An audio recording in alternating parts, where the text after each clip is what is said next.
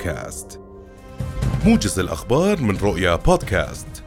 عاد جلالة الملك عبد الله الثاني إلى أرض الوطن بعد إجرائه عملية جراحية ناجحة.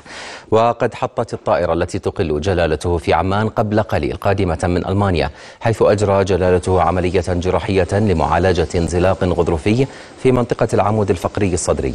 تكللت بالنجاح بحمد الله.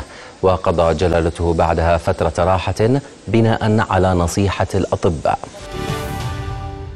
اقتحم أكثر من 850 مستوطنا باحات المسجد الأقصى المبارك وأدوا صلوات تلمودية في أنحائها. وبالتزامن مع اقتحام المستوطنين رفعت شرطة الاحتلال الإسرائيلي من وتيرة اعتداءاتها على المصلين والمرابطين في المسجد الأقصى ما أدى لإصابة العشرات منهم. فيما حاصرت الشرطة الإسرائيلية المصلين واعتدت عليهم داخل المسجد الأقصى قبل أن تعمل على إفراغه بالكامل من الفلسطينيين. نظم آلاف المستوطنين تحت حماية وحراسة قوات الاحتلال الإسرائيلي مسيرة انطلقت من مستوطنة شافي شمرون غرب مدينة نابلس وصولا إلى مستوطنة حومش قرب بلدة برقة شمال غرب المدينة. وشارك في المسيرة قيادات في التيارات الدينية واليهودية ونواب متشددون من الكنيست.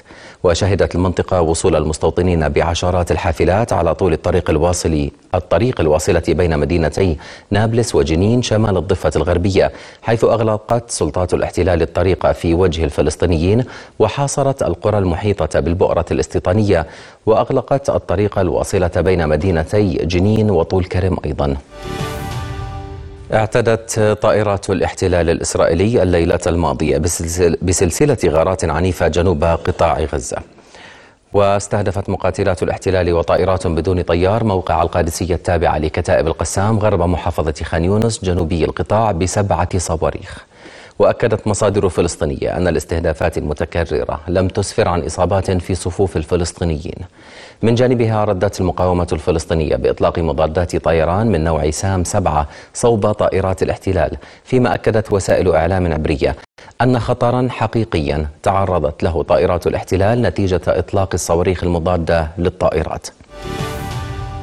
قال رئيس اللجنة المالية النيابية المهندس محمد السعودي إن اللجنة أوصت بتحويل بعض البنود في تقارير ديوان المحاسبة المتعلقة بهيئة تنظيم قطاع النقل البري إلى هيئة النزاهة ومكافحة الفساد لمخالفتها للتعليمات.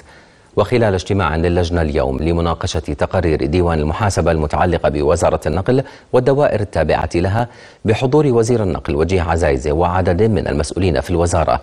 أكدت اللجنة أنها ستناقش المخالفات الواردة في تقارير ديوان المحاسبة بحق كل وزارة أو مؤسسة حكومية أو شركة خاضعة لمراقبة الديوان. معركة دونباس محطة جديدة من الحرب الروسية الأوكرانية التي قاربت على الشهرين منذ انطلاقها مع شن موسكو هجوما واسعا على المناطق الشرقية من أوكرانيا. وزير الدفاع الروسي سيرجي شويغو قال أن موسكو تسعى إلى تحرير شرق أوكرانيا متهما الغرب بإطالة أمد العملية العسكرية عبر تزويد كييف بالأسلحة. إلى ذلك أعلن الجيش الروسي أنه فتح ممرا لإجلاء الجنود الأوكرانيين الموجودين في مصنع أزوفستال في ميناء ماريوبول الاستراتيجي.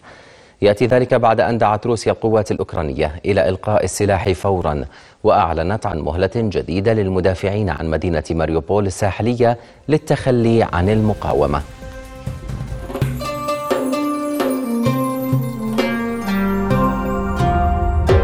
رؤيا بودكاست.